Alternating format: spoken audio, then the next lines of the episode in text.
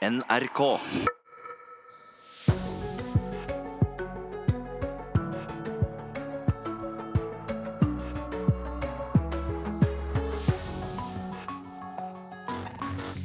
God morgen. Er sexhistorien rundt Trine Skei Grande på en fest for ti år siden en sak, spør vi i denne sendingen.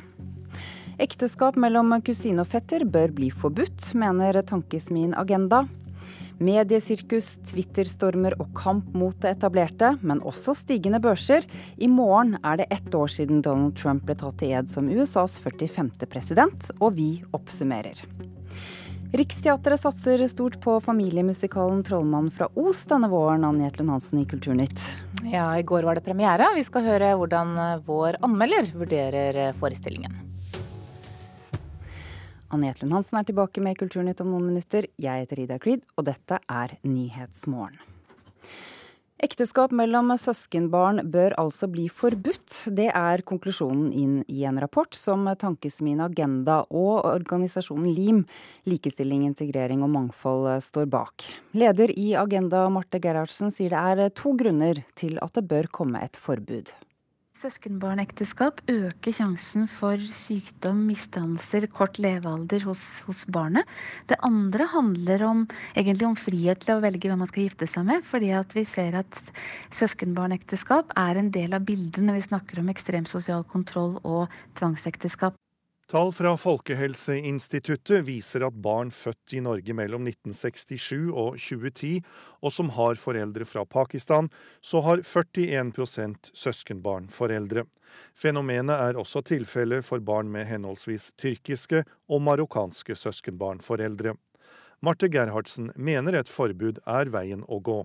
Og jeg tror også det blir veldig bra for, eh, for familier som bor i Norge, som utsettes for eh, press fra storfamilien i hjemlandet om at de skal eh, bidra til å, holde familien samlet på den måten. Så, så det vil være et viktig tiltak for å sikre bedre integrering i Norge. Parlamentarisk nestleder i Venstre og stortingsrepresentant Abid Raja er ikke enig med Agenda, men mener en må se mer nyansert på dette.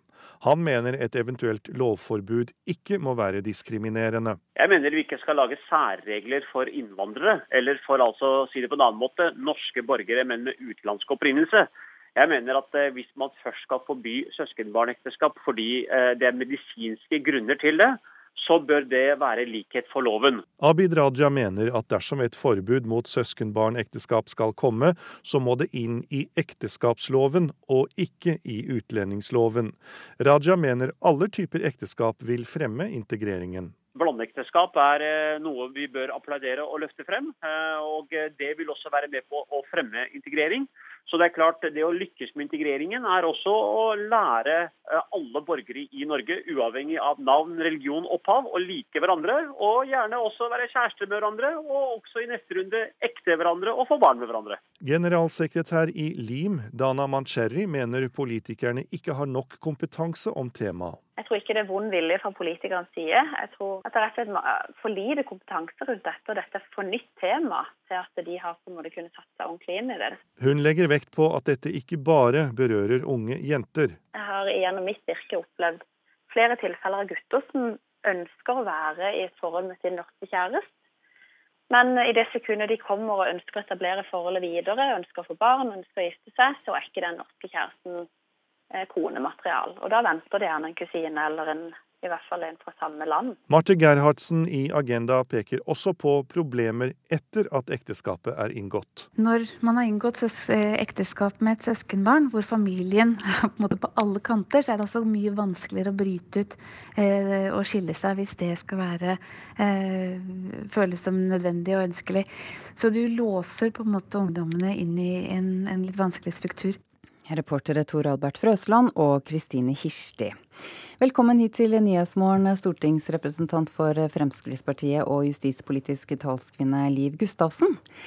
Vi hører her at nettverket LIM, som altså jobber med likestilling og integrering, mener at dere politikere ikke har nok kompetanse på dette feltet. Stemmer det?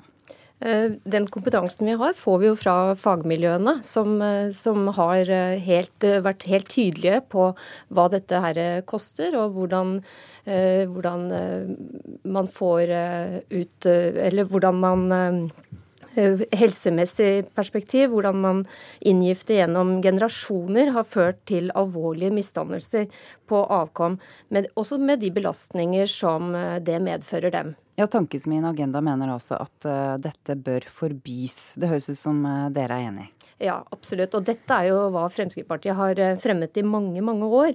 Allerede i 2002 så la vi det fram et lovforslag i Stortinget, hvor vi da ble nedstemt. Men vi fikk faktisk med oss Senterpartiet og SV, som stemte for dette. Men de ville bare ha en endrings- eller en utredning, mens vi ønsket et direkte lovendring. Blant annet så stemte jo både Arbeiderpartiet og Høyre og Kristelig Folkeparti og Venstre mot dette. Så det ble jo ikke noe av på den tiden. Men er det å gjøre det forbudt veien å gå hvis man vil ha bedre integrering? Ja, det er det. For at man må ha frihet eh, til å kunne velge eh, hvem man skal gifte seg med og leve livet sitt sammen med. Og vi hører jo det at det er eh, veldig stort press i de muslimske miljøene på at de unge må velge å bli presset til å gifte seg med søskenbarna sine. Men bør man ikke også da ha friheten til å velge å kunne gifte seg med en fetter eller kusine hvis man vil det? Jo, eh, det burde man jo kanskje, men da er det jo også sånn som for eh, norske, at man må søke. Ja, Abid Raja fra Venstre sier et eh, forbud ikke må diskriminere og må inn i ekteskapsloven for å gjelde alle nordmenn. Hva mener du? Nei, Det må vi jo se litt nærmere på, men dette har jo, hovedproblemet ligger jo faktisk i de muslimske miljøene. Og det, er jo, det ser vi jo har kommet veldig klart fram i dagen, også dette med sosial kontroll. Hvor, eh, hvor dette er eh, veldig påkrevende for de unge i, som har levd i Norge lenge. Og Derfor så mener vi at man først og fremst så er det i de muslimske miljøene som man må ta dette eh, nå først og fremst. Så hva vil du gjøre med denne saken? Nei, jeg mener jo at er, denne saken er jo overmoden, og at vi må ta nå også fremme et nytt eh, lovforslag mot eh, ekteskap mellom fettere og kusiner. Så jeg vil ta det med meg til justiskomiteen og til eh, fraksjonen. Takk for at du kom hit, Liv Gustavsen, stortingsrepresentant for Fremskrittspartiet. I morgen er det ett år siden Donald Trump ble tatt i ed som eh, USAs 45. president. Men eh, det skal vi høre om eh, om noen minutter. Først så skal vi ta en avisrunde.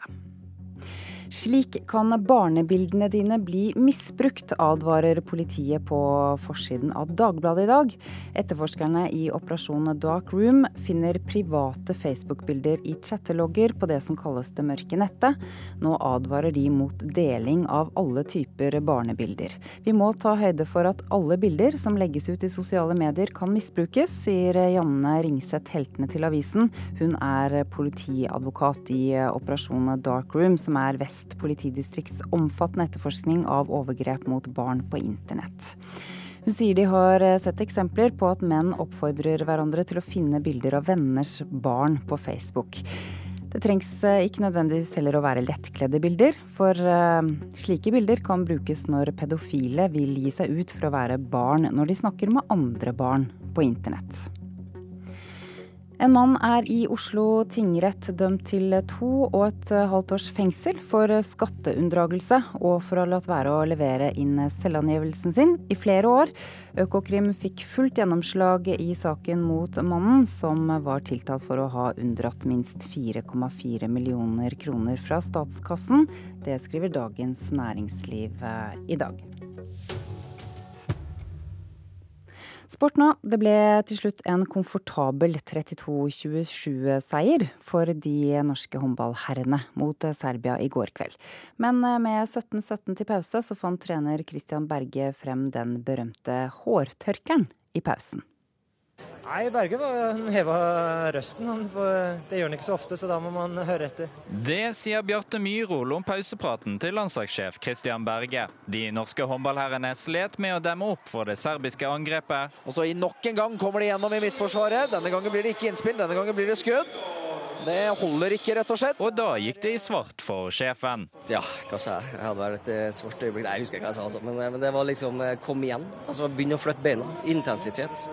Eh, flytt beina og ligge i mye høyere tempo enn deres angrepsspillere, så er vi i forkant. Og så snapper Serbia ballen! Han løper jo innafor feltet! Nå må vi være med, dommere! Det er ikke lov for andre spillere å stå i det feltet! Ja, nå må folk lære seg regler! Men det var ikke bare spillerne som fikk det til å koke i topplokket til landslagssjefen. I løpet av førsteomgangen rev Berge seg i håret etter gjentatte dommerfeil. I dag så var jeg faktisk eh, litt frustrert, eh, skal jeg være ærlig. Men, men de prøver sitt beste. Og vi fikk lagt vekk den, den fokuset i løpet av, løpet av førsteomgangen og, og pausen. Reporter her var Sondre Myhre.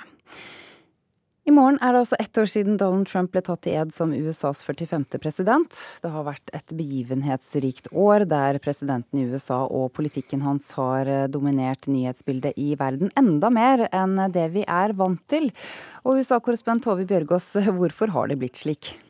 Det er fordi Donald Trump er en helt annerledes president enn det vi, vi noen gang har sett her i USA. Eh, Pga. at han snakker rett fra levra, måten han forholder seg til mediene på. Også det at han har forandret ikke minst, ikke minst USAs forhold til verden eh, ved å snakke om eh, å sette Amerika først og ved å melde USA ut av Parisavtalen, og ting som faktisk angår oss i Norge ganske mye. Hvordan skal dette ettårsjubileet markeres i USA? Ja, President Trump selv han reiser, som han ofte gjør i helgene, ned til Mar-a-Lago i Palm Beach i Florida. Dette golfhotellet sitt.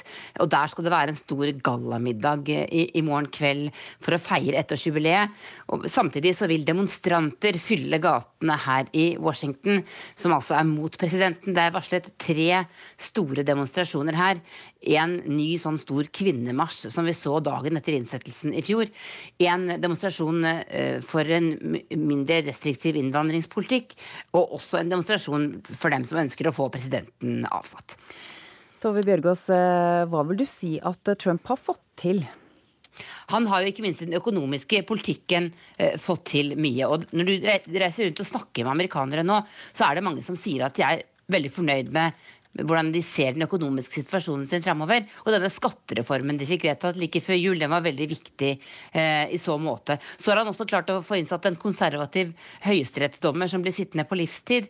Det er svært viktig for konservative republikanere spesielt. Men ellers så har han også da slitt med eh, en del andre saker, bl.a. i innvandringspolitikken, og også å få fjernet helsereformen, som var et stort mål for ham. Så hva kan vi vente oss av år to med president Donald Trump?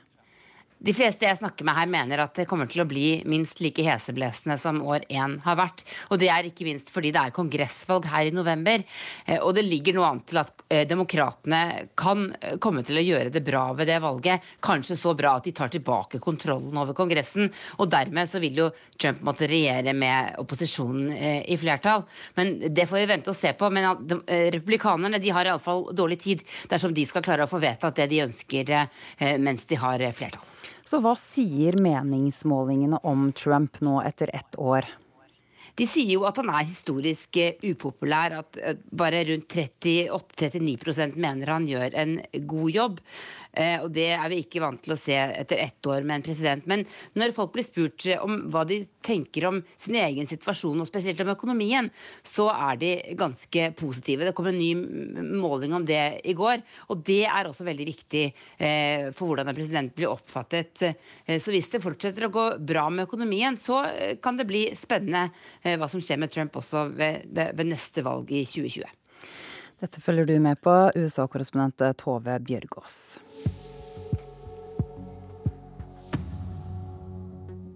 Du hører på Nyhetsmorgen i NRK P2, Alltid nyheter og P1 pluss. Klokken er 6.46, og dette er hovedsakene nå. Ekteskap mellom søskenbarn bør være forbudt, mener tankesmien Agenda, og får støtte fra flere hold. Før de var i regjering, mente Venstre at skattebetalerne ikke skulle ta mesteparten av regningen for oljeletingen, men i regjering er de langt fra like klare. Og myndighetene mener det er trygt å sende dem tilbake til Afghanistan, men professor advarer mot feil i vedtakene om enslige mindreårige asylsøkere. Mer om det om litt. Nå skal vi høre at Ola Elvestuen i Venstre har før han ble klima- og miljøminister pekt på endring av oljeskatten som et av de viktigste virkemidlene i klimakampen. Oljeskatt betyr at skattebetalerne betaler mesteparten av selskapenes letekostnader, uavhengig av om det fører til lønnsomme funn av olje og gass eller ikke. I går fikk han spørsmål om hva han ville gjøre med denne skatten som minister, og da svarte Elvestuen slik. Det som er prosessen er at Nå har vi et klimarisikoutvalg eh, som ser på hele klimarisikoen for norsk økonomi. De skal gjøre sitt arbeid og vil komme med sine anbefalinger. og Så blir det da en vurdering på de bakgrunn av de anbefalingene hva man, hva man, går videre med. Nei, Det er jo direkte feil det som eh, klima- og miljøministeren sa. For det er jo spesifisert i mandatet til klimarisikoutvalget at de ikke skal se på petroleumsskatteregimet og skal ikke se på den eh, generelle uh, oljepolitikken. Sier miljøpolitisk talsperson i SV, Lars Haltbrekken. La oss høre igjen hva Elvestuen sa om oljeskatten i august 2017, før han ble minister. Og så er den store kampen, og det gjelder ikke bare miljøpartiene, det gjelder for hele Norge, handler om å ta tak i eh, skattesystemet. Det er der du setter bremsen. Staten kan ikke ta den risikoen som vi nå gjør, når vi vet at produksjonen og forbruket internasjonalt må gå dramatisk ned i tiårene framover. Vi er helt enig med Elvestuen anno august 2017. Sier Haltbrekken. I dag er det sånn at staten betaler åtte av ti kroner når oljeselskapene leter etter olje og gass.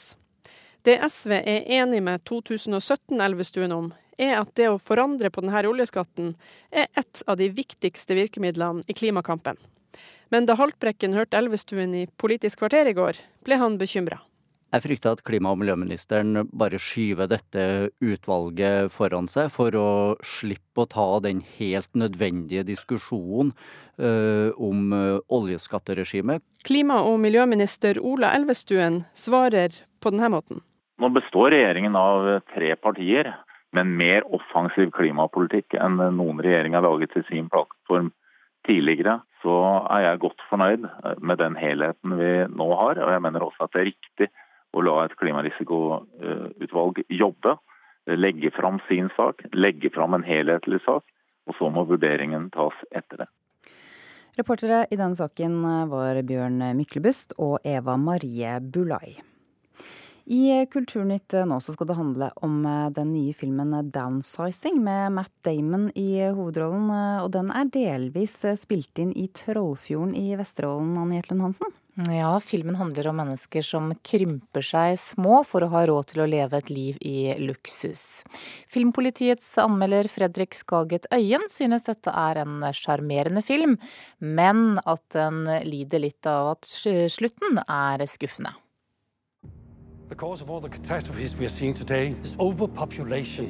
We are proud to unveil the only practical remedy to humanity's gravest problem. Are you ready, doctor? Yes, I'm ready. Jeg var i utgangspunktet redd for at filmen 'Downsizing' skulle bli til 'Hjelp, vi krympet Matt Damon', en flåsatt og gimmickdreven komedie om at det er vanskelig å være 12 cm høy. Det viser seg at den handler mer om at det er vanskelig å være et menneske. Matt Damon er bare tilfeldigvis 12 cm høy. Filmen er gjennomsyra av en herlig snurrig sjarm som jeg ikke klarer å overse. Humoristiske detaljer finnes rundt hver en sving, og spennende miljø utforskes i et behagelig tempo, geleida av selvsikker regi fra Alexander Payne. Det er likevel ikke en perfekt film.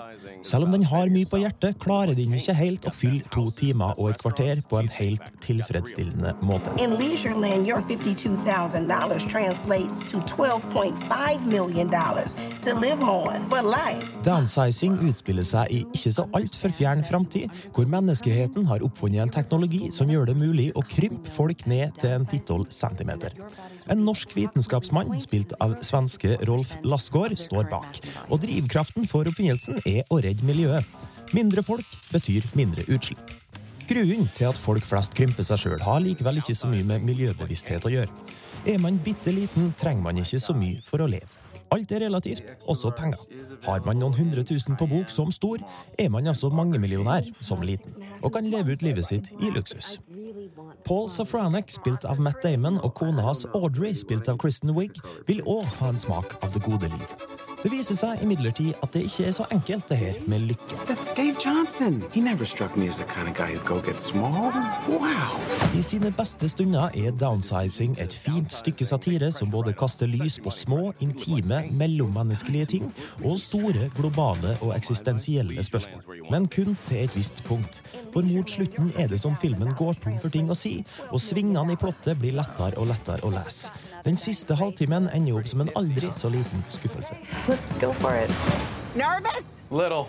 Norge er sentral for handlinga, og lengre sekvenser av filmen utspiller seg innerst i norsk fjord. Det pleier å være litt rart å se hvordan amerikanere fremstiller nordmenn på film, og downsizing er intet unntak.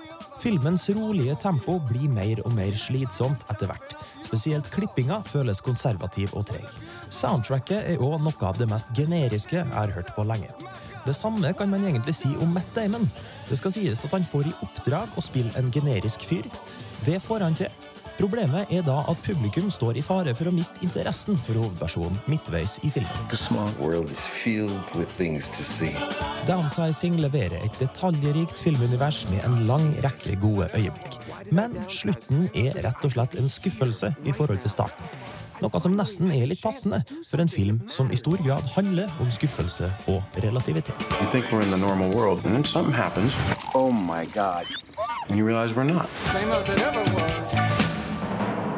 Terningkast fire.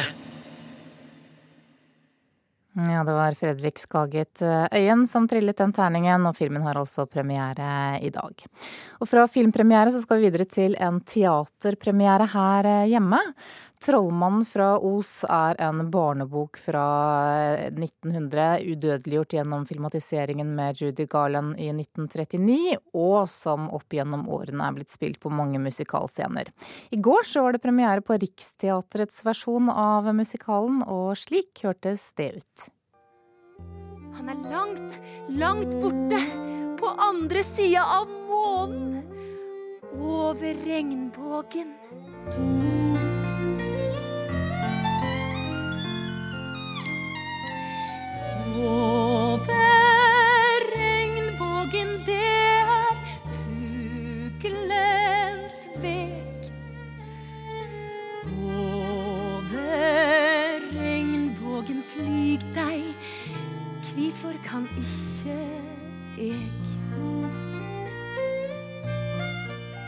'Trollmannen fra Os' hadde altså premiere ved Riksteatret i går, og forestillingen skal turnere til 50 spillesteder over hele landet denne våren.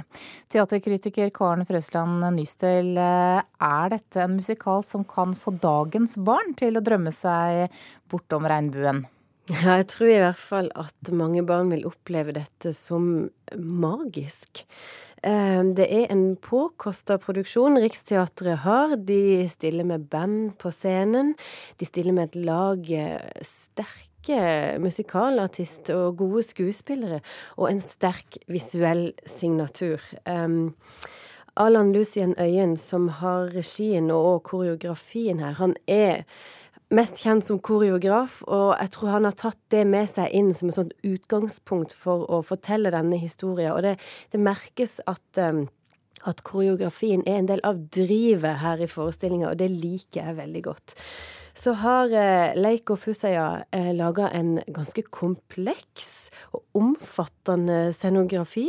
Eh, når man først kommer seg over regnbuen da, til, dette, til dette landet, så, så, er det mange sceneskift, det er masse farge, det er små forandringer, forflytninger hele veien av elementene på scenen. Det er ulik materialitet og, og en lyssetting som er med på å gjøre det eh, så å lage et magisk teaterlandskap. Jeg ser for meg at dette er dette er ganske omfattende å ta med seg rundt i en buss på turné, eh, men desto, kanskje desto mer magisk da å oppleve når man sitter, sitter i salen.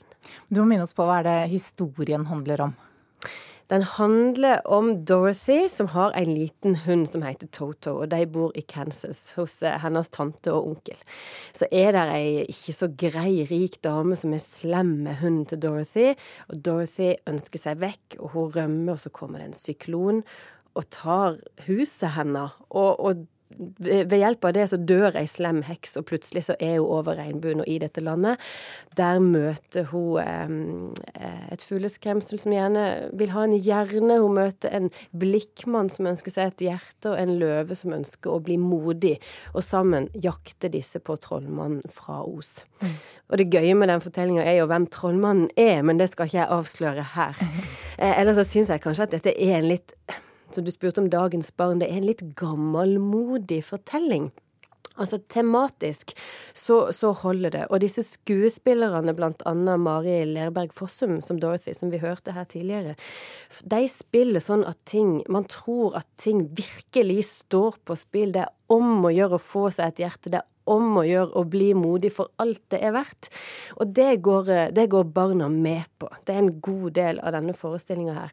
Men de, disse berømte røde skoene til Dorothy, og hvorfor de andre heksene vil ha tak i den, det syns jeg ikke etableres godt nok. Og så er det, jeg veit ikke, det, det, er veldig mye fint og visuelt fint og fint å høre på. Men så er det liksom noe, noe sånn et gammelt slør over det hele allikevel. Selv om jeg tror mange barn vil like det, og helt sikkert voksne òg.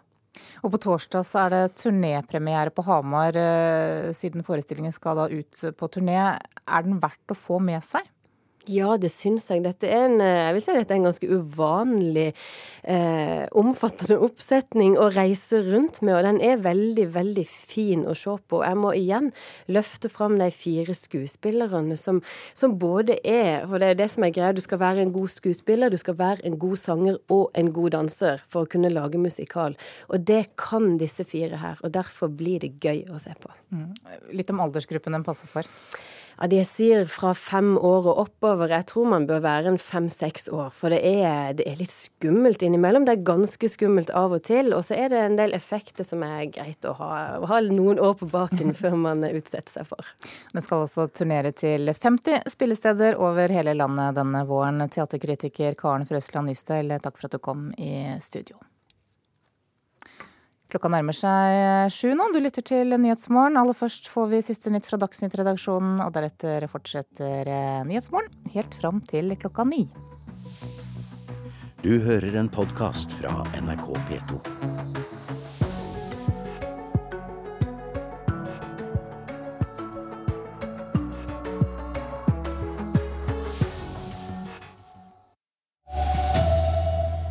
Ekteskap mellom søskenbarn bør være forbudt, mener tankesmien Agenda.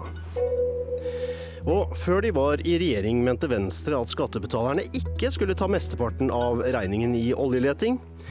I regjering er de langt fra like klare. Her er NRK Dagsnytt, klokken er sju. Ekteskap mellom søskenbarn bør forbys. Det er konklusjonen i en rapport Tankesmien Agenda og LIM står bak. Leder i Tankesmien Agenda, Marte Gerhardsen, sier det er to grunner til at de bør komme med et forbud. Søskenbarnekteskap øker sjansen for sykdom, misdannelser, kort levealder hos, hos, barnet.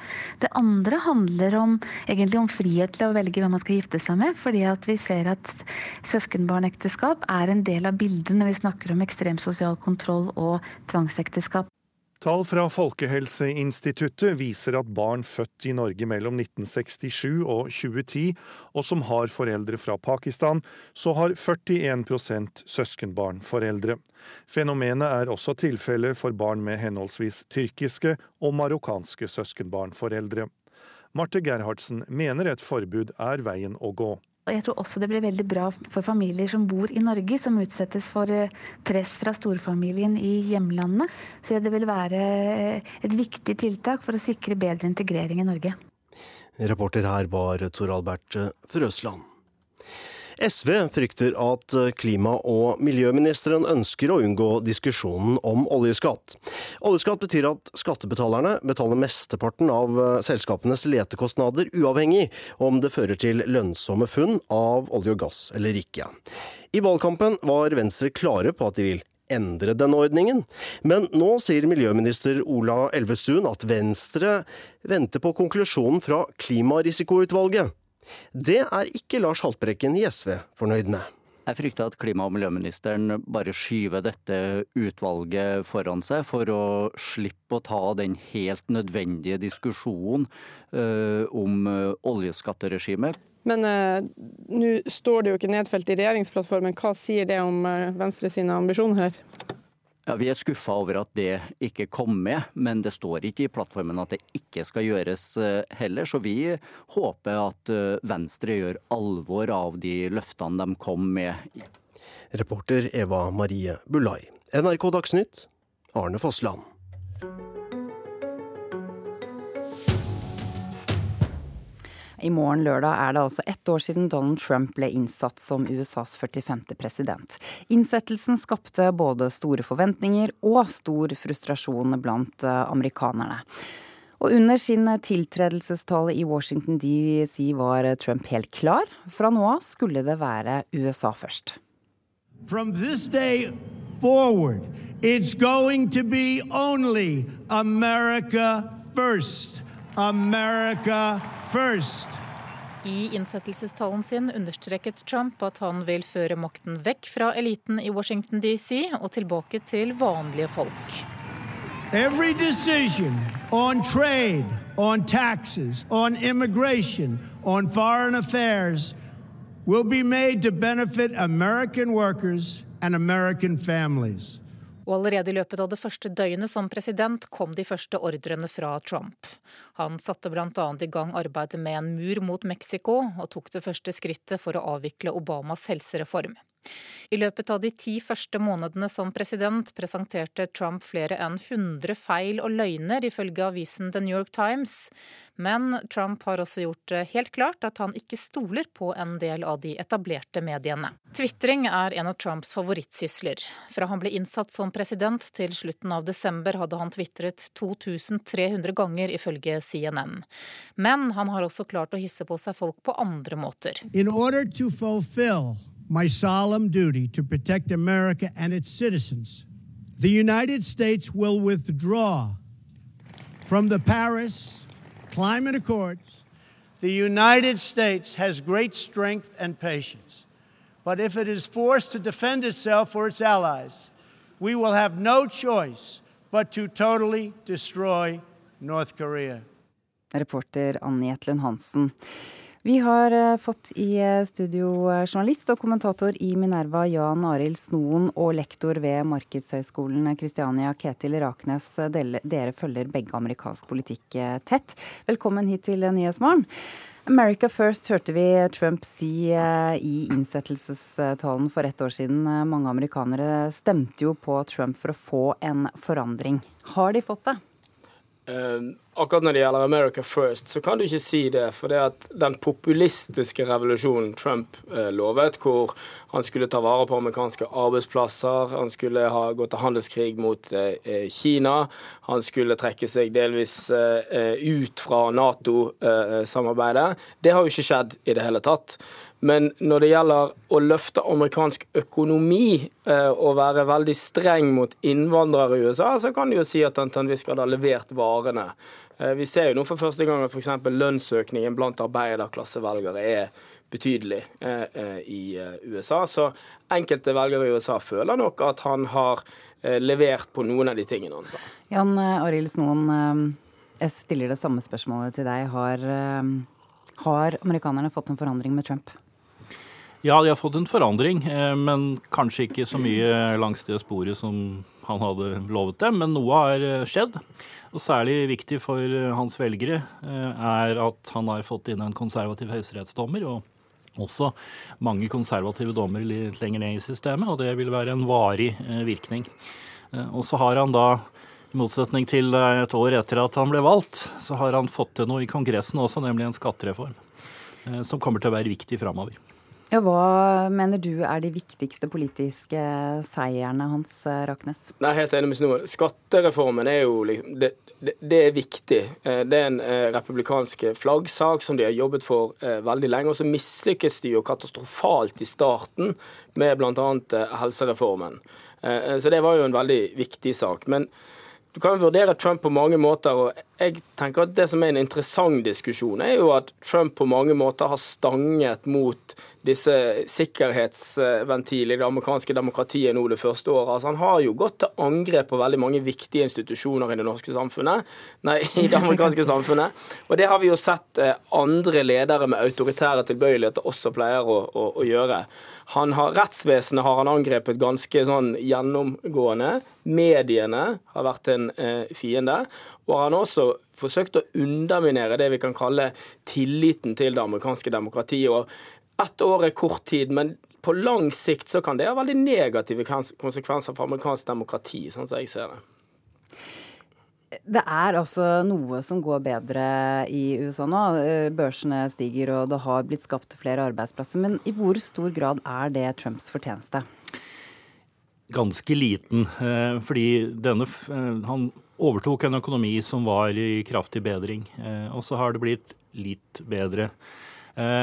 Og det er veldig vanskelig å generelt å tilbakeføre veldig mye av det som skjer i økonomien til konkret politikk og konkret president. Men men eh, det er klart at eh, velgerne vil se på hvem er det som styrer, eh, og så vil de da gi æren til den som er president. Og så kommer det da noe Antageligvis så vil denne skattereformen ha en kortsiktig positiv virkning på økonomien ikke nødvendigvis veldig stor, men du er allerede i god fart. Og så har du da fått en grunn til å si at det er pga. Trump og republikanerne. Eh, og så kan det jo bli for mye fart da, etter hvert, det får vi se. Men eh, han vil nå ta æren for dette. Arbeidsledigheten er lav, og, og optimismen i amerikansk økonomi er nå høyere enn på, på veldig, veldig lenge. Mm. Og det som er litt eh, rart, er at Trump fremdeles er relativt upopulær. Det er en veldig uvanlig kombinasjon. En mm. økonomi som går veldig bra, og en, en president som er upopulær. Syns du det er rart, Raknes? Nei, eh, altså det er sånn som Snoen sier, at eh, hvordan økonomien svinger har nødvendigvis ikke Og han har ikke ti, egentlig hatt tid sjøl til å gjøre egne grep som kunne bedret eh, amerikansk økonomi eh, eh, betydelig. Men det er jo et interessant paradoks eh, ved Trump, det er at han har startet lavere i popularitet enn noen annen amerikansk president i moderne tid. Men så virker det også som det finnes et segment som er relativt stabilt. altså Det har beveget seg lite, og han har fått en en base av velgere som tilsynelatende han kan gjøre veldig mye uten å fornærme. Men en annen mer sånn bekymringsverdig trekk for Trump og republikanerne er at det virker som kvinnelige velgere nå er i ferd med å forlate partiet. Og Det ser vi i flere av disse tilleggsvalgene som nå uh, har vært. At de mister også tradisjonelt republikanske kvinner i forstedene i USA. og Det henger nok sammen med en del av de tingene som har skjedd rundt metoo-bevegelsen mm. og, og, og, sånne ting. Og det er nok litt mer bekymringsverdig fordi når vi ser inn mot eh, kongressvalgene. Ja, det er det jo mange som som har eh, sagt i det siste. Altså Metoo-kampanjen får nå store konsekvenser for til og med da politikere her i Norge. Mens Trump, som vi vet har gjort mye rart på den fronten, han blir sittende. Er det et paradoks? Det er ingenting som biter på han. Eh, altså, han sier og har gjort og gjør så mye um, uvanlig for en president at det er kommet en slags nummenhet rundt det, tror jeg. Eh, mm. Det er, liksom, det er diskontert, som det kalles i markedet. Vi vet mm. at han er Men likevel så vil mange stemme på han. Han har en kjernegruppe på kanskje 25% som stemmer på han uansett, men det, altså, du kommer ikke så langt med 25 da. Eh, og Det er også republikanernes problem nå. Det er ikke bare kvinner, men også ungdom som de har slitt med en stund. Eh, og det er generelt Mobiliseringen har vært veldig dårlig i de valgene som har, har vært, som peker Som er ganske dyster for dem framover mot valget i november. Men så på pågår det også da en eh, alvorlig etterforskning under ledelse av Robert Mueller eh, av denne russiske innblandingen i det amerikanske presidentvalget. Tror dere at dette kan få noen konsekvenser? Min, min tilnærming har hele tiden vært at det skal ekstremt mye til for å fjerne en amerikansk president. Men husk det at det er jo ingen amerikanske presidenter som har vært fjernet ved riksrett. Og Det er jo først og fremst litt en sånn fantasiteori som mange på venstresiden ønsker skulle være eh, sann. At det er nemlig veldig enkelt å si f.eks. at en president er utilregnelig. Eh, den debatten om utilregnelighet handler jo om hva gjør du når en amerikansk president ligger i koma f.eks. eller er skutt i, i, hodet. Da snakker vi om eh, problemer med å overføre autoritet og, og, den typen ting. Og Så skal vi huske på det at selv om Muller finner ut at Trump har gjort ting han mener er kriminell, så er ikke det en retts altså det er ikke en rettssak som skal avgjøre dette. Det er et flertall i Kongressen og Senatet som må velge da å stemme Trump eh, ut. Eh, så da må, da må, du komme i en situasjon hvor flertallet i det republikanske partiet må vende seg mot sin egen president. Og hva som skal til, hvis vi ser hva som har kommet fram til nå, hva som skal til for at det skal skje, det tror jeg ikke engang Jan Arild Snoen klarer å forestille seg. Jeg må bare spørre, ett år er gjennomført. Blir det tre eller sju nye år med Trump, eller enda kortere? Jeg tror han sitter i hvert fall i tre. Jeg tror ikke han ble fjernet eh, i mellomtiden. Eh, men, eh, om han blir gjenvalgt, det er veldig åpent. Takk for at dere kom begge to, journalist og kommentator i Minerva Jan Arildsnoen og lektor ved Markedshøgskolen Kristiania Ketil Raknes. Boligkjøp eh, i dag er fortsatt altfor gunstig. Det mener norske investorer, som vil skattlegge boliger langt hardere. Milliardær Stein Erik Hagen mener nordmenn bruker altfor mye penger på hus og hytter. Vi har bundet altfor mye penger i hytter og hus og, og eiendom. Vi burde absolutt få mer eh, over, i, over til å skape arbeidsplasser. Boligprisene har falt de fleste stedene i landet de siste månedene. I hovedstaden alene er prisene ned vel 12% siden toppen i april i fjor. Men fremdeles er det altfor gunstig å investere i boliger, mener flere i milliardærklubben. Der er det et stort problem. Eiendom er grovt underbeskattet. Det er et stort strukturproblem og fører til at det går altfor mye penger inn i eiendom. Sier investor Jens Ultveitmo. Han viser til at boliger indirekte er subsidiert med flere titalls milliarder i året gjennom skattefradraget på gjeldsrenter. Samtidig har Norge ingen nasjonal eiendomsskatt og en begrenset kommunal boligskatt, som den utvidede regjeringen sågar vil redusere. Altfor mye penger går inn i eiendom i forhold til industri, og kanskje spesielt eh, ventureinvesteringer. Ferd-eier Johan H. Andresen finner en liten trøst i at enkelte nå er skremt fra boliginvesteringer, etter at prisene omsider begynte å falle i fjor. Jeg ser nå at flere og flere måte er litt sånn mettet på eiendom. Men skattesystemet og rekordlave renter gjør det fremdeles attraktivt å kjøpe boliger. Andresen frykter dermed en ny bølge av boliginvesteringer så snart husprisfallet er over. Eiendom har med de, de, lave rentene store muligheter for belåning. Eiendom kan jo ikke flyttes. Det er et stort fortrinn med lokal kunnskap. Så, det bør ikke være egentlig noen store skattefordeler når det gjelder eiendom, snarere tvert imot. I og med at de ikke kan flyttes, i motsetning til nesten alt annet, så burde det egentlig vært kanskje beskattet noe Burde ikke vært fordeler forhold til annen arbeidende kapital. Og Hagen henter også frem en gammel kampsak. Orkla-eieren mener politikerne bør forstå at også formuesskatten må endres. Selv om sekundærboliger nå beskattes til 90% av reell markedsverdi, er primærboligene til folk flest bare beskattet med omtrent 25% av reell markedsverdi. Aksjer og aksjefond beskattes fremdeles mye hardere når formuesskatten beregnes, til 80% av markedsverdien. Jeg mener vi bør legge om, bør legge om formuesskatten, slik at vi øker beskatningen av fast eiendom og reduserer formuesbeskatningen av, av arbeidsplasser, av aksjer og bedrifter og maskiner og utstyr. Reporter Sindre Heierdal. Klokken er blitt 7.15. Eh, det er Nyhetsmorgen du lytter til, og vi har bl.a. disse sakene. Ekteskap mellom søskenbarn bør være forbudt, mener tankesmien Agenda. Før de kom i regjering mente Venstre at skattebetalerne ikke skulle ta mesteparten av eh, regningen for oljeletingen, men i regjering er de langt fra like klare. Og som du akkurat hørte, milliardærene her i landet mener nordmenn bruker altfor mye penger på hus og hytter. Flere enslige mindreårige asylsøkere fra Afghanistan bør få sakene sine vurdert på nytt, fordi Utlendingsnemnda har begått saksbehandlingsfeil. Det mener professor emeritus i offentlig rett ved Universitetet i Bergen, Jan Fridtjof Bernt. Utlendingsdirektoratet har ment at det er trygt for eh, de som kalles oktoberbarna å bli sendt tilbake til Kabul, mens UNE mener de ikke har behov for beskyttelse og kan sendes til hjemprovinsen sin det er saksbehandlingsfeil som eventuelt kan være grunnlaget for å si at selve vedtaket i, UNE er ugyldig. NRK har fått se til sammen fem vedtak der klageorganet Utlendingsnemnda, i motsetning til Utlendingsdirektoratet, ikke tror på klagerens historie. I stedet for å henvise til internflukt, slik UDI har gjort, mener UNE at klageren kan returneres til hjemprovinsen. Nestleder i vergeforeningen Følgesvennen, Ine Johannessen, er verge for flere av guttene som har fått de omtalte vedtakene. Etter at vedtaket, det, det vedtaket som ble fattet av Stortinget den 14.11. i fjor, så betyr jo det alt. Stortinget bestemte i høst at flere av de såkalte oktoberbarna skal få saken sin behandlet på nytt, men det har vært tvil om hvordan vedtaket skal forstås. Et klart kriterium er at søkeren må være henvist til internflukt.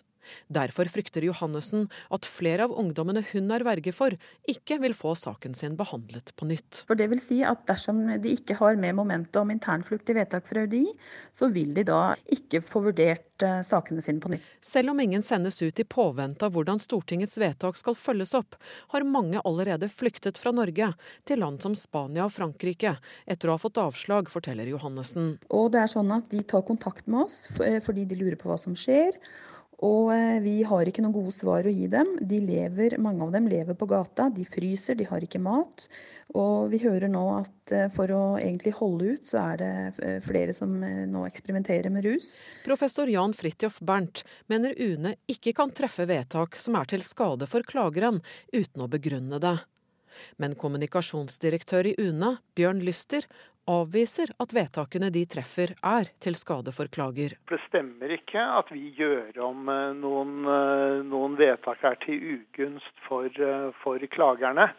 Dette er personer som har fått avslag i UDI først og så har dette avslaget blitt klaget eh, inn til oss, og så har vi også kommet til at avslaget er riktig, men med en annen begrunnelse. Lyster sier de etter en gjennomgang har funnet 35 saker som gjelder enslige mindreårige asylsøkere fra Afghanistan, hvor UNE mener klageren kan returneres til hjemprovinsen i stedet for til internflukt i Kabul.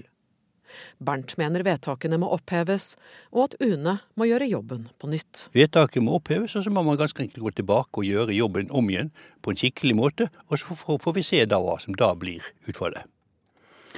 NRK har vært i kontakt med Justisdepartementet, som sier de skal følge opp Stortingets vedtak på en rask og god måte. Reporter Kristine Næss Larsen. Seniorrådgiver i NOAS, eh, Jon Ole Martinsen, eh, du er med oss eh, fra studio i Fredrikstad. Hva syns du om det professor Bernt sier her om at det kan være saksbehandlingsfeil i flere av disse sakene? Dette er et problem vi har tatt opp med UNE gjentatte ganger de siste årene, om at man endrer begrunnelsen, man endrer hele faktum i saken uten at man gis mulighet til å uttale seg om det nye faktumet som legges til grunn.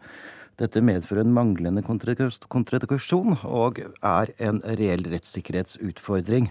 Så vi er enig i at her må disse vedtakene ses på ny, og man må gis en reell mulighet til å imøtegå da det nye anførslene, altså møtegå da det nye faktumet som UNE legger til grunn, som da UDI ikke har lagt til grunn. Altså, hva slags erfaringer har dere med at UNE ikke mener søkerne har beskyttelsesbehov og kan dra hjem, mens UDI henviser til internflukt? Det er vi konkrete eksempler på gjennom uh, flere år, hvor da UDI har lagt til grunn et faktum som medfører f.eks. henvisning til internflukt, men at man er vernet mot returstedet. Mens da UNE uh, mener at vedkommende kan returnere til, uh, til, hjemstedet. Og dermed så forsvinner da hele disse anførslene som da klagen har vært bygd opp under. Ja, Vi hører at UNE avviser at de fatter vedtak som er til skade for den som eh, klager. Men hvilken rolle spiller det egentlig om man må returnere til Kabul eller til en annen provins, hvis du skal forklare det på en enkel måte? Altså I utgangspunktet så betyr, kan det jo bety uh, at uh, man risikerer å sende tilbake mennesker med et reelt beskyttelsesbehov. Uh, hvis man nå tenker at uh, f.eks. Afghanistan-saker, at man er trygg på hjemstedet, mens man da de facto ikke er trygg på hjemstedet og henvises dit, så ville det kunne bety at man sender barn, ungdom, unge voksne tilbake til forfølgelse. Det er viktig er også å huske på at altså, dette er snakk om et grunnleggende rettssikkerhetsproblem, som betyr at personer med et reelt beskyttelsesbehov ikke ikke får muligheten til å imøtegå utlendingsforvaltningens anførsler. Her er man enig i utgangspunktet i UDI om et faktum, at man er vernet, at man har rett til beskyttelse fra, på hjemstedet. Men så går UNE uten at de opplyser om dette til klageren eller prosessfullmektigen, og legger et annet faktum til grunn, at man ikke er vernet, uten at man gis en mulighet til å imøtegå dette. Dette betyr i praksis at man da mister nær sagt hele klageretten, fordi at det man har klaget på, er jo da om det er eh, grunnlag for henvist internflukt eller, no, eh, eller, lignende. Og det er jo ikke det da UNE behandler. De behandler da om man har rett til beskyttelse eller ikke i forhold til hjemstedet. Hvilke forventninger har du da til eh, instruksen som juristene i Justisdepartementet nå sitter og jobber med? Vi håper jo nå da eh, at denne problemstillingen her også settes lys på. At i instruksen så betyr at man da ser hen til UDI-vedtaket. At man da at hvis man har fått et internfluktvedtak eh, i UDI eller UNE, slik at også da begge eh, omfattes, så skal få en ny behandling av sine søknader. Da vil man også ivareta denne gruppen her, som da har fått to forskjellige resultater fra henholdsvis UDI og UNE. Hva er det som skjer med, med de av søkerne som nå er i andre europeiske land etter å ha fått avslag i Norge? Altså, det er, eh, de er i en stor nød, eh, mange av de. Eh, de lever på eksistensminimum. Og de frykter jo også det å returnere til Norge, fordi at de frykter at hva hvis vi da får på nytt får avslag?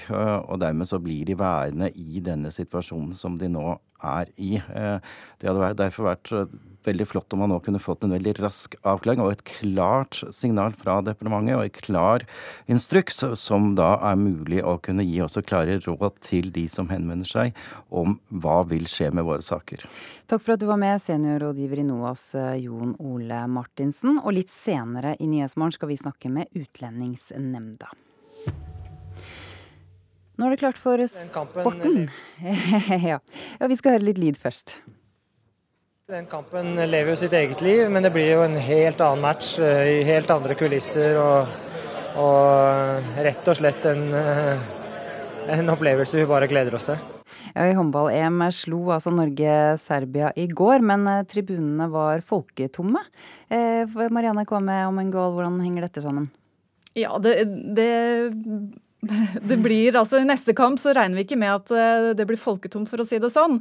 Serbia de er jo nabonasjon til Kroatia, der eh, håndball-EM pågår. og I morgen så møter Norge vertsnasjonen Kroatia. Og Da er det ventet mye kok på tribunen og på banen. og Som vi hørte, så gleder Bjarte Myrholseil til den eh, kampen.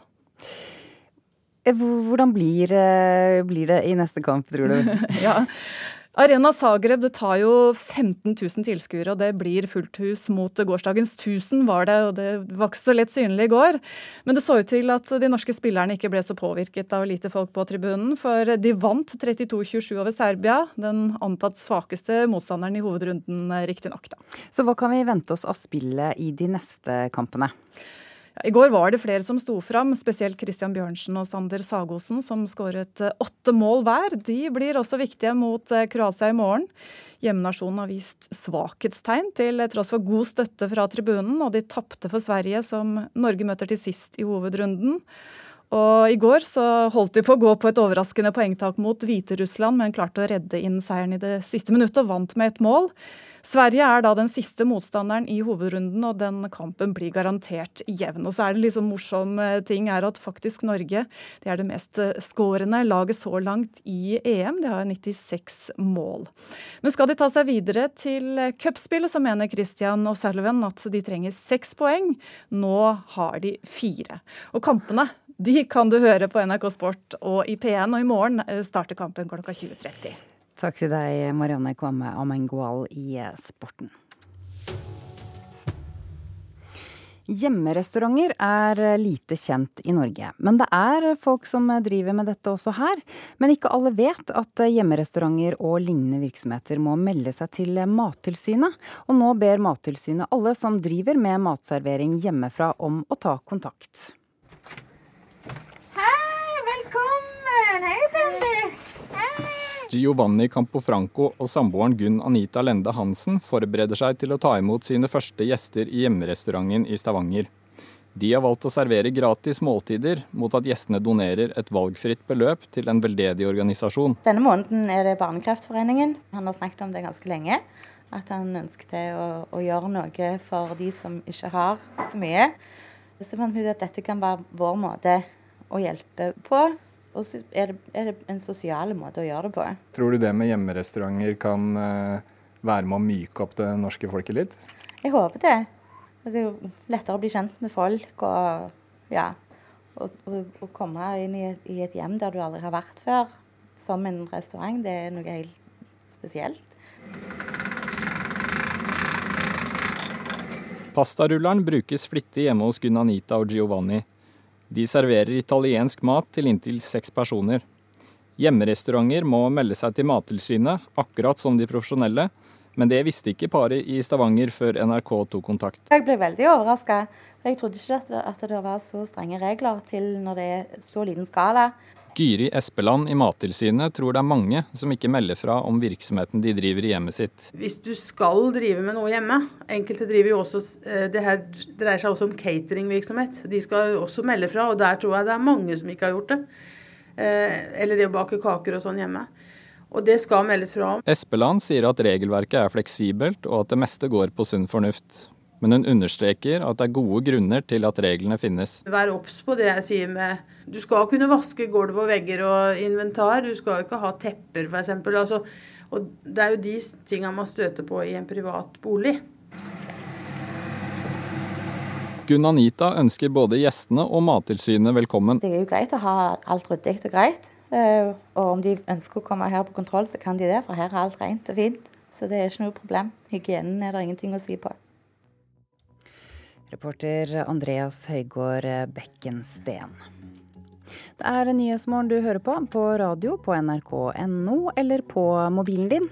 Vi bruker over en halv milliard kroner hvert år på å forsikre våre firbente venner. Det er dobbelt så mye som for fire år siden. Over 180 000 kjæledyr hadde forsikring i fjor, viser tall fra Finans Norge.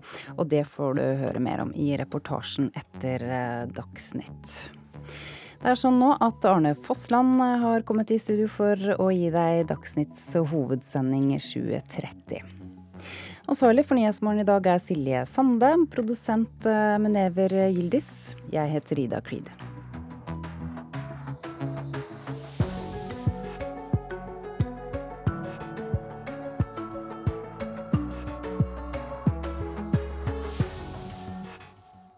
Fire mennesker med personlige utfordringer møter psykolog Peder Kjøs. Jeg har mye å være sinna for, jeg har mye å gråte over. Jeg har vært evig singel, og nå skal jeg faktisk gå inn i en terapi for å prøve å finne ut av det.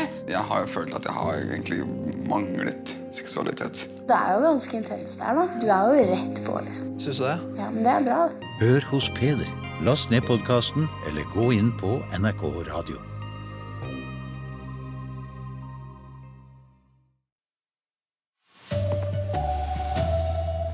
De aller rikeste mener vanlige folk bruker altfor mye penger på hus og hytter i Norge. Twitterstormer, tvil om hans mentale tilstand og krangel om hvem som har størst atomknapp. Rocketman is on a suicide mission for himself. We are fighting the fake news. Withdraw from the Paris Climate Accord. America first. America first. Ja, denne helgen er det ett år siden Donald Trump ble verdens mektigste mann. Og ekteskap mellom søskenbarn bør være forbudt, mener tankesmien Agenda. Her er NRK Dagsnytt, klokken er 7.30. Ja, Boligkjøp i dag er fortsatt altfor gunstig, det mener norske investorer som vil skattlegge boliger langt hardere. Milliardær Stein Erik Hagen mener nordmenn bruker altfor mye penger på hus og hytte. Vi har bundet altfor mye penger i hytter og hus og, og eiendom. Vi burde absolutt få mer eh, over, i, over til å skape arbeidsplasser. Boligprisene har falt de fleste stedene i landet de siste månedene. I hovedstaden alene er prisene ned vel 12% siden toppen i april i fjor. Men fremdeles er det altfor gunstig å investere i boliger, mener flere i milliardærklubben. Der er det et stort problem. Eiendom er grovt underbeskattet. Det er et stort strukturproblem og fører til at det går altfor mye penger inn i eiendom. Sier investor Jens Ultveitmo. Han viser til at boliger indirekte er subsidiert med flere titalls milliarder i året gjennom skattefradraget på gjeldsrenter. Samtidig har Norge ingen nasjonal eiendomsskatt. og en begrenset kommunal boligskatt, som den utvidede regjeringen sågar vil redusere. Altfor mye penger går inn i eiendom i forhold til industri, og kanskje spesielt eh, ventureinvesteringer. Ferd-eier Johan H. Andresen finner en liten trøst i at enkelte nå er skremt fra boliginvesteringer, etter at prisene omsider begynte å falle i fjor. Jeg ser nå at flere og flere måtte er litt sånn mettet på eiendom. Men skattesystemet og rekordlave renter gjør det fremdeles attraktivt å kjøpe boliger. Andresen frykter dermed en ny bølge av boliginvesteringer så snart husprisfallet er over. Det bør ikke være egentlig noen store skattefordeler når det gjelder eiendom. Som et rent investeringsobjekt så er det andre ting vi må satse på. Ja, reporter her, det var Sindre Heierdal. I morgen er det ett år siden Donald Trump ble tatt i ed som USAs 45. president. Det har vært et eh, heseblesende år der Trump og USA har dominert nyhetsbildet. Også gjennomtrekken i Det hvite hus har vært langt kraftigere enn vanlig. Og i dag er det egentlig én mann som står igjen som eh, Trump helt avgjørende rådgiver. Det mener en republikansk ekspert NRK har snakket med. He and I talk constantly. Weekends, early mornings, late at night, we talk constantly. He bounces ideas off of me. Vi snakker sammen hele tiden. Om kveldene, i helgene. Han tester ut ideer på meg, sier John Kelly. Den pensjonerte generalen i marineinfanteriet ga et sjeldent intervju til Fox News denne uka, der han fortalte om sitt forhold til USAs president. Og Trumps stabssjef er hans helt dominerende støttespiller og rådgiver nå, mener den republikanske strategen Alex Conant, som driver et politisk rådgivningsfirma i Washington og kjenner mange rundt Trump-administrasjonen godt. The chief of staff is always important in a White House. I think he's even more important in this White House because this president seeks advice from so many different people. General Kelly is the only one who can bring order to what is otherwise a very chaotic situation. Kelly er dørvakta og mannen som bestemmer hvem som får snakke med presidenten. Han er den eneste som kan skape en slags orden i kaoset inne i Det hvite hus, sier Conant til NRK. Sjefstrateg Steve Bannon, stabssjef Ryans Prebus, kommunikasjonssjef Sean Spicer. Det er bare noen av dem som har forsvunnet ut av Vestfløyen dette første heseblesende året. Hva som vil skje i år to med Trump, tør få å spå om. Men med kongressvalget på trappene venter mange at det vil bli like hektisk som det første året har vært. Men først skal jubileet markeres. President Trump feirer på klubben sin Mar-a-Lago i Florida, mens demonstranter i morgen vil fylle gatene her i den amerikanske hovedstaden. Tove Bjørgaas, Washington. Vi holder oss eh, utenlands, for Storbritannia og Frankrike har inngått en avtale om å bruke nær en halv milliard kroner på å styrke vaktholdet ved Den engelske kanal. Det skjedde da den eh, franske presidenten Emmanuel Macron i, dag møtte den i går møtte den britiske statsministeren på militærbasen Sandhurst utenfor London. Både migranter og flyktninger forsøker å ta seg over fra Frankrike til Storbritannia. Ekteskap mellom søskenbarn bør forbys. Det er konklusjonen i en rapport som Tankesmien Agenda og organisasjonen LIM, som jobber for integrering, står bak. Leder i Agenda, Marte Gerhardsen, sier at det er to grunner til at det bør komme et forbud. Søskenbarnekteskap øker sjansen for sykdom, misdannelser, kort levealder hos, hos, barnet. Det andre handler om, egentlig om frihet til å velge hvem man skal gifte seg med. fordi vi ser at søskenbarnekteskap er en del av bildet når vi snakker om ekstrem sosial kontroll og tvangsekteskap. Tall fra Folkehelseinstituttet viser at barn født i Norge mellom 1967 og 2010, og som har foreldre fra Pakistan, så har 41% søskenbarnforeldre. Fenomenet er også tilfellet for barn med henholdsvis tyrkiske og marokkanske søskenbarnforeldre. Parlamentarisk nestleder i Venstre og stortingsrepresentant Abid Raja er ikke enig med Agenda, men mener en må se mer nyansert på dette. Han mener et eventuelt lovforbud ikke må være diskriminerende. Jeg mener vi ikke skal lage særregler for innvandrere, eller for altså, si det på en annen måte, norske borgere, men med utenlandsk opprinnelse.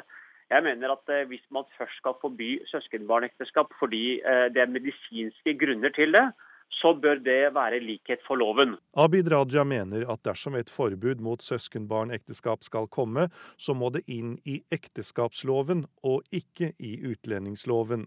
Generalsekretær i LIM, Dana Mancherry, mener politikerne ikke har nok kompetanse om temaet. Jeg tror ikke det er vond vilje fra politikernes side. Jeg tror at det er rett og slett for lite kompetanse rundt dette, og dette er for nytt tema. Ja, reportere her, det var eh, Tor Albert eh, Frøsland og Kristine Hirsti. Også Sosialistisk Venstreparti har fått inn to varsler i kjølvannet av metoo-kampanjen. Det sier partisekretær Audun Herning til NTB. Begge sakene skal ligge en del år tilbake i tid. De minste partiene på Stortinget, Miljøpartiet De Grønne og Rødt, sier de ikke har fått inn noen varsler. Før de var i regjering, mente Venstre at skattebetalerne ikke skulle ta mesteparten av regningen for oljeleting. Da mente Venstres Ola Elvestuen at eh, det at oljeselskapene skal betale mer, var et av de viktigste virkemidlene i klimakampen. I går fikk han spørsmål om hva han vil gjøre med denne oljeskatten som klima- og miljøminister. Det som er prosessen er at Nå har vi et klimarisikoutvalg eh, som ser på hele klimarisikoen for norsk økonomi. De skal gjøre sitt arbeid og vil komme med sine anbefalinger. og Så blir det da en vurdering på de bakgrunn av de anbefalingene hva man, hva man, går videre med. Nei, Det er jo direkte feil det som eh, klima- og miljøministeren sa. For det er jo spesifisert i mandatet til klimarisikoutvalget at de ikke skal se på petroleumsskatteregimet og skal ikke se på den eh, generelle oljepolitikken. Sier miljøpolitisk talsperson i SV, Lars Haltbrekken. La oss høre igjen hva Elvestuen sa om oljeskatten i august 2017, før han ble minister. Og så er den store kampen, og det gjelder ikke bare miljøpartiene, det gjelder for hele Norge, handler om å ta tak i eh, skattesystemet. Det er der du setter bremsen. Staten kan ikke ta den risikoen som vi nå gjør, når vi vet at produksjonen og forbruket internasjonalt må gå dramatisk ned i tiårene framover. Vi er helt enig med Elvestuen anno august 2017. Sier Haltbrekken. I dag er det sånn at staten betaler åtte av ti kroner når oljeselskapene leter etter olje og gass.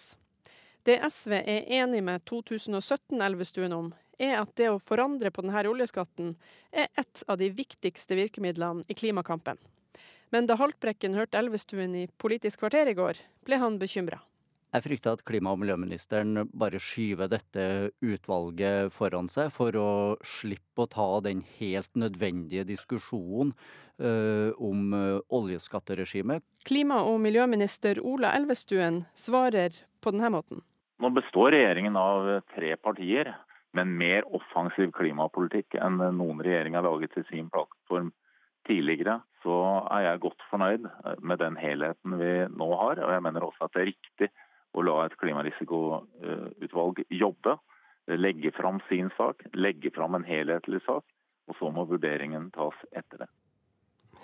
Ja, Det sa altså klima- og miljøminister Ola Elvestuen. Reportere her det var Bjørn Myklebust og Eva Marie Bulai.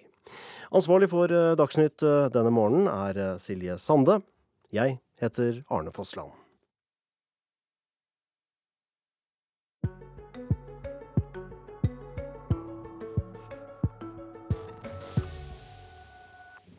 Vi bruker over en halv milliard kroner hvert år på å forsikre kjæledyrene våre. Det er dobbelt så mye som for fire år siden. Over 180 000 kjæledyr hadde forsikring i fjor, viser tall fra Finans Norge. Line Forberg på Nordfjordeid i Sogn og Fjordane har både hunden Odin og to hester, men bare hestene var forsikret da Odin ble syk før jul i fjor. Her er det jo helt mørkt, for alle hestene står jo ute da, på dagen. Inn ei gul stalldør. På andre sida venter de to hestene til Line Forberg. Rundt beina springer den sju år gamle hunden Odin. Går det bra? Hm? Ja. Mye fine lukter ute om dagen, vet du. Men det er ikke selvsagt at Odin er her. For i november fikk han hofta ut av ledd. Eneste løsning var operasjon, til 10 000 kroner. Og Odin var ikke forsikra. Da tenkte jeg hva han betydde for meg. Og ja, om det var verdt det. Og det var det selvfølgelig. Hvorfor hadde ikke du forsikring på hunden, da? Rett og slett ikke tenkt over det. Jeg har forsikra hestene, men ja, ikke tenkt over det. Stadig flere nordmenn velger å forsikre kjæledyra sine. I fjor brukte vi over en halv milliard kroner på å forsikre vel 181 000 kjæledyr, viser tall fra Finans Norge. Det er mye penger, men eh, da må folk også synes det er verdt det. Folk er glad i dyra sine. Hester er jo veldig ofte veldig godt forsikra. Eh, og så kommer hund, og så nå eh, kommer katt etter hvert òg. Sier dyrlege Brede Seim ved Eid veterinærkontor. Han opplever at stadig oftere kommer matmor eller matfar med et forsikra kjæledyr. Ja, absolutt. Det har økt veldig på. Og jeg tror det har litt med at folk har eh, Folk bruker mer forsikringer og ser at, at det, det er kostnader ved å ha dyr generelt. Er det nødvendig da å ha forsikring?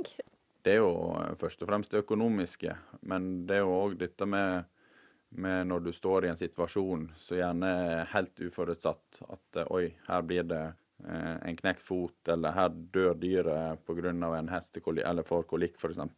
Da ser du at den investeringen på 80 000, den går eh, rett ad undas. Så da er det jo på en måte greit å ha en forsikring, da. Dyrlegen mener dyrevelferden er blitt bedre. Samtidig er erfaringa at det er store variasjoner på hva kjæledyrforsikringa faktisk dekker. Stine Neverdal i Finans Norge oppmoder om å undersøke vilkårene i forsikringene nøye. Det er viktig at du sjekker hva forsikringen dekker før du kjøper den. Eller velger å behandle hunden din og gi en avansert behandling, så du vet hva du går til om du skulle få uforutsette utgifter. Det er rett at det kan være forskjellige egenandeler fra selskap til selskap. og Noen opererer jo også med en, en prosentvis egenandel, slik at man betaler selv en prosentdel av det behandlingen koster. Og så dekker forsikringen eh, resten som, som Trygg. Vi har et øvre tak på uh, hva behandlingen uh, skal koste. Sier kommunikasjonssjef Ole Irgens i Trygg. Kom. Kom I stallen er det tid for stell av hestene. Forberg fikk bruk for forsikringa på hesten Maurits da han ble syk i magen. Så han måtte ut på Veterinærhøgskolen i Oslo. Så det kom opp i 50 000. Så da var jeg glad jeg hadde forsikring. For noe sant, hadde man klart det uten forsikring? Nei. Da hadde han nok blitt avliva. Du har ikke vurdert å få forsikring på Odin nå da, etter uhellet? Jo, det er sterkt i vurdering. Men det blir jo også ekstra utgifter? Det blir det, så det er det jeg må se på. Så eh, jeg vurderte det sånn at eh, når han trengte den operasjonen, så hadde jeg jo hatt den i så mange år. Så jeg på forsikringene hva det hadde kosta de åra, og da kosta den operasjonen meg mindre enn hva jeg hadde brukt på forsikring de åra jeg har hatt den. Så det blir en sånn helhetsvurdering for deg nå videre, da? Det blir det. Reporter i Nordfjordeid var eh, Silje Guddal.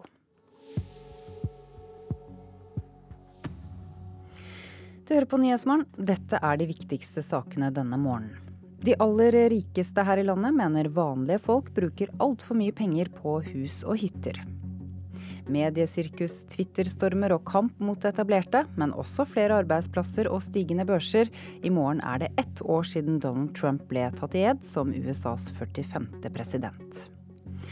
Ekteskap mellom søskenbarn bør være forbudt, mener Tankesmien Agenda.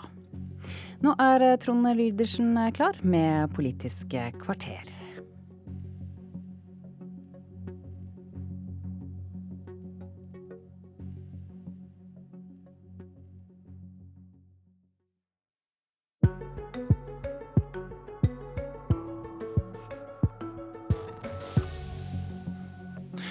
Integrering er viktigst, sa regjeringen, og tok med seg ingen med ikke-vestlig bakgrunn i det nye korpset.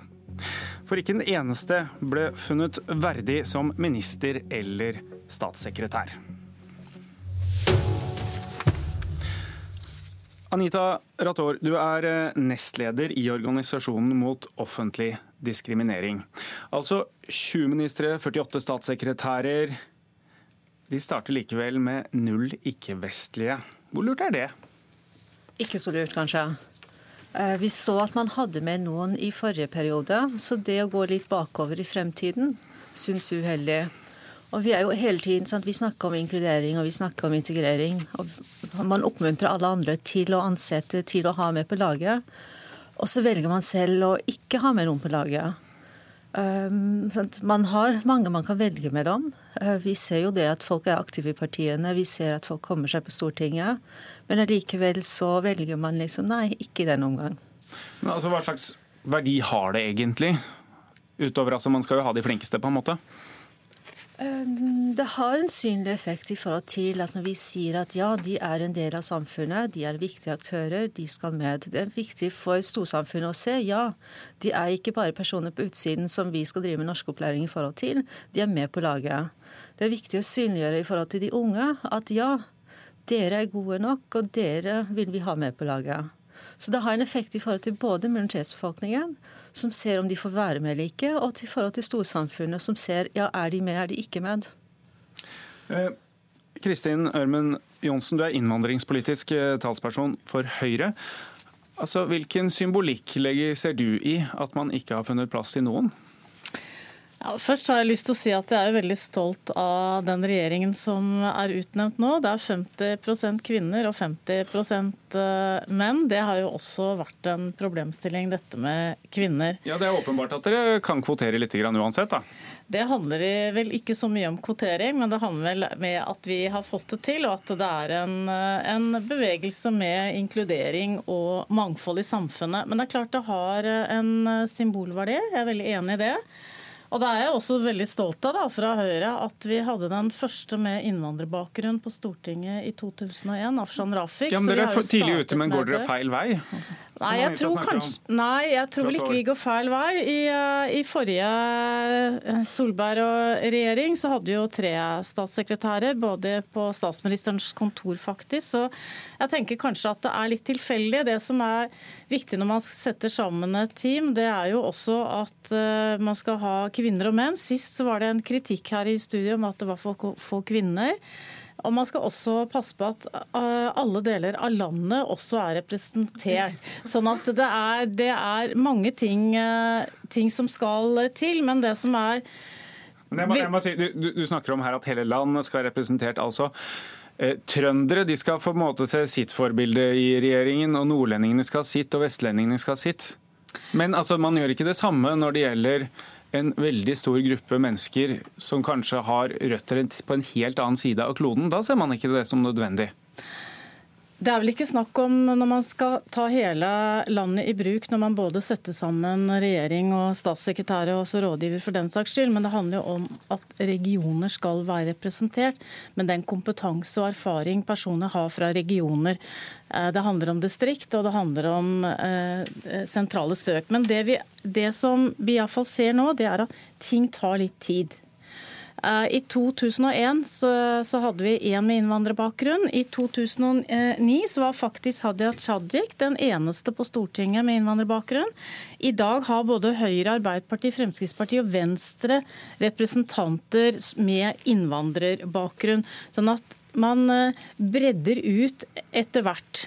Men, og, og vi jobber jo politisk med nå skal vi inn i et kommunevalg. Jeg kan også si det, for jeg er også leder i Buskerud Høyre. Vi jobber veldig hardt med å rekruttere personer som kan stå på lister, og som vil engasjere seg i politikken. Så det er iallfall noe vi er veldig opptatt av, å få mangfoldet representert på listene våre. Nå har vi iallfall klart det på Stortinget, og vi prøver også å få det til i kommunene og, og fylkestingsvalg som kommer. Daniel Serai, du har tidligere uttrykt at det å komme med en blendahvit-regjering, eller også blendahvite-forsamlinger som skal stå for stor integre et integreringsløft nå, det blir helt feilslått? Det er, det er et paradoks. Um, og jeg har, jeg, har, jeg har, reflektert over det i mange anledninger, for jeg er jo blant de som blir invitert uh, på, på, noen av disse settingene der det er mange hvite menn. Stort sett menn. Uh, og det er stort sett blendahvitt hver gang. Og så tenker jeg at politikken har jo vært fantastisk flink egentlig i forhold til mange andre. I forhold til næringslivet er jo politikken mye flinkere til å rekruttere og få folk til å engasjere seg. Men, Hva tenker du når Ørmen Johnsen sier at det går framover nå? Jeg føler jo ikke at det gjør det. fordi jeg vet jo at det finnes utrolig mange flinke eh, mennesker med minoritetsbakgrunn. Og akkurat som det er viktig å få en, eh, en fra Finnmark og en fra Sogn og Fjordane og fra Trøndelag inn i regjeringen, fordi det skaper representativitet. Eh, så mener jeg at det hadde sannsynligvis vært mulig, hvis man hadde tenkt over at det var viktig nok, så kunne man funnet dyktige nok kandidater. For dette handler ikke om kandidatenes kompetanse, det handler om at man har prioritert en annen kompetanse enn akkurat det disse med minoritetsbakgrunn gjør. Og Hvis man ikke prioriterer å velge, så får man heller ikke de riktige valgene. Lothar, er det en egen kompetanse i seg selv som man kunne faktisk hatt nytte av i en regjering? faktisk At det er noen der med minoritetsbakgrunn? Jeg tenker, jeg erfarer litt det samme som Daniel. ikke sant? Du drar på masse arrangementer, her skal vi snakke om det flerkulturelle, vi skal snakke om inkludering. Og så ser du utover samlingen for å finne noen som kanskje ligner meg. Og så Av og til så skjer det at du ser en og annen, men eh, det hender ofte at vi ikke gjør det. Og jeg erfarer litt som at vi går litt tilbake på en del områder for tiden. Fordi um, tidligere så kunne jeg møtt flere mennesker som lignet meg. Um, som var til stede. Um, så det er klart at Og vi ser jo det, ikke sant, når Kristin nevner kjønn. Så vet vi at det har på en måte tatt altså Det er veldig mye arbeid som har ligget bak for å få de 50 prosentene. Det har ikke kommet av seg selv. Så spørsmålet er skal man på en måte sette i gang på en måte og vedlikeholde et arbeid for å sikre på at man får den representasjonen. Og spesielt når vi er i en by som Oslo kommune, hvor en tredjedel av barnehageskolen har minoritetsbakgrunn. Eh, Stortinget er her. Og så ser de på en måte at ingen ligner dem der, og de ikke er representert. Samtidig så driver vi hele tiden og de i forhold til integrering og inkludering. Og så kommer vi med forslag om norskopplæring. Det er jo ikke det de trenger. De trenger å på en måte å få være med på laget. Og så oppfordrer vi andre arbeidsgivere um, til å være gode til å inkludere de. Men da må vi gå frem som ledestjerner. Johnsen, altså En tredjedel av uh, elevene i Oslo-skolen har ingen som de føler seg representert ved, sier Ottar? Ja, Nå mener jeg faktisk at vi har egentlig Det sitter jo noen her. Vi har uh, strålende eksempler. Ja, uh, men vi har strålende eksempler. Men vi har på Stortinget vi har også rådgivere, de som er tilknyttet regjering med innvandrerbakgrunn. Uh, og vi har egentlig ganske strålende forbilder i, i, i, politikken. Det jeg er opptatt av, det er jo eh, det at eh, man skal føle at man har en like stor sjanse for å komme inn i arbeidslivet uansett hva slags eh, hudfarve du har, eller religion eller kulturell bakgrunn. Eh, og Det ønsker vi å jobbe ganske hardt med. Eh, vi åpner for at eh, man skal ha forsøk med anonyme søknader til statlige stillinger, nettopp fordi at mange blir skeptisk kanskje til når man får en ellers fantastisk CV, men det er et sånn fremmedklingende navn. Er det noe som vil gjøre noen stor forskjell, tror du? Nei, jeg tror, jeg tror igjen, jeg, vi som er ledere, enten det er i politikk eller næringsliv, er nødt til å si at uh, det her er noe vi ser etter. Fordi, uh, fordi, vi ønsker å dyrke fram den kvaliteten. Og jeg tenker at for unge mennesker som, som skal gjøre en karriere og gjøre et valg. Skal bli, skal jeg velge de tradisjonelle Ali-yrkene, advokat, lege og ingeniør, som kanskje ikke blir så mange ledere, eller skal jeg velge en annen karriere, da er det faktisk denne forbildeeffekten ganske stor. Det å se næringslivsledere eller politiske ledere som har gjort karriere, sett at dette er faktisk mulig å strekke seg etter, det tror jeg er den største effekten av det alle. Av de alle. Og så handler det ikke så mye om rettferdighet. fordi jeg vet at man har valgt de politiske statssekretærer og statsråder etter hva man er ment mente er de beste menneskene til å gjøre jobben. Men over tid så kan vi ikke fortsette å ikke velge, å ikke velge mennesker med minoritetsbakgrunn, eller kvinner for den saks skyld. Jeg bare, bare få fortsette litt bare i setning men det forsøket i, i, faktisk i Oslo kommune. da, så viser seg det forsøket, så ble 40% flere kalt inn til intervju.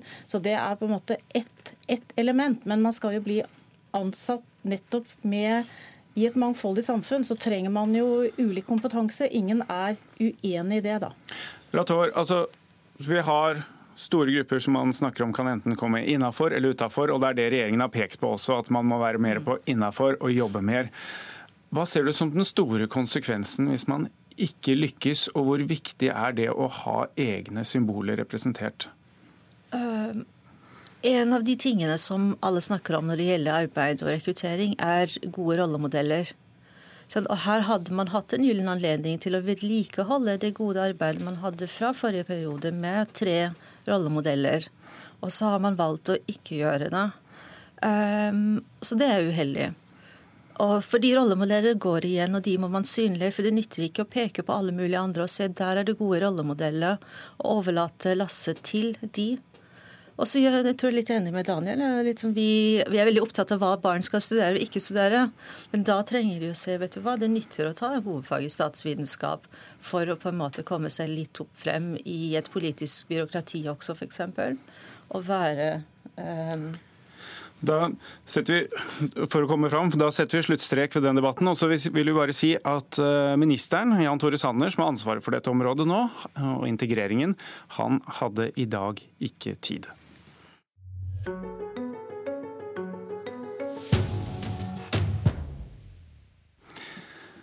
Vi flytter oss fra inkludering til eh, litt nærmere kanskje ekskludering.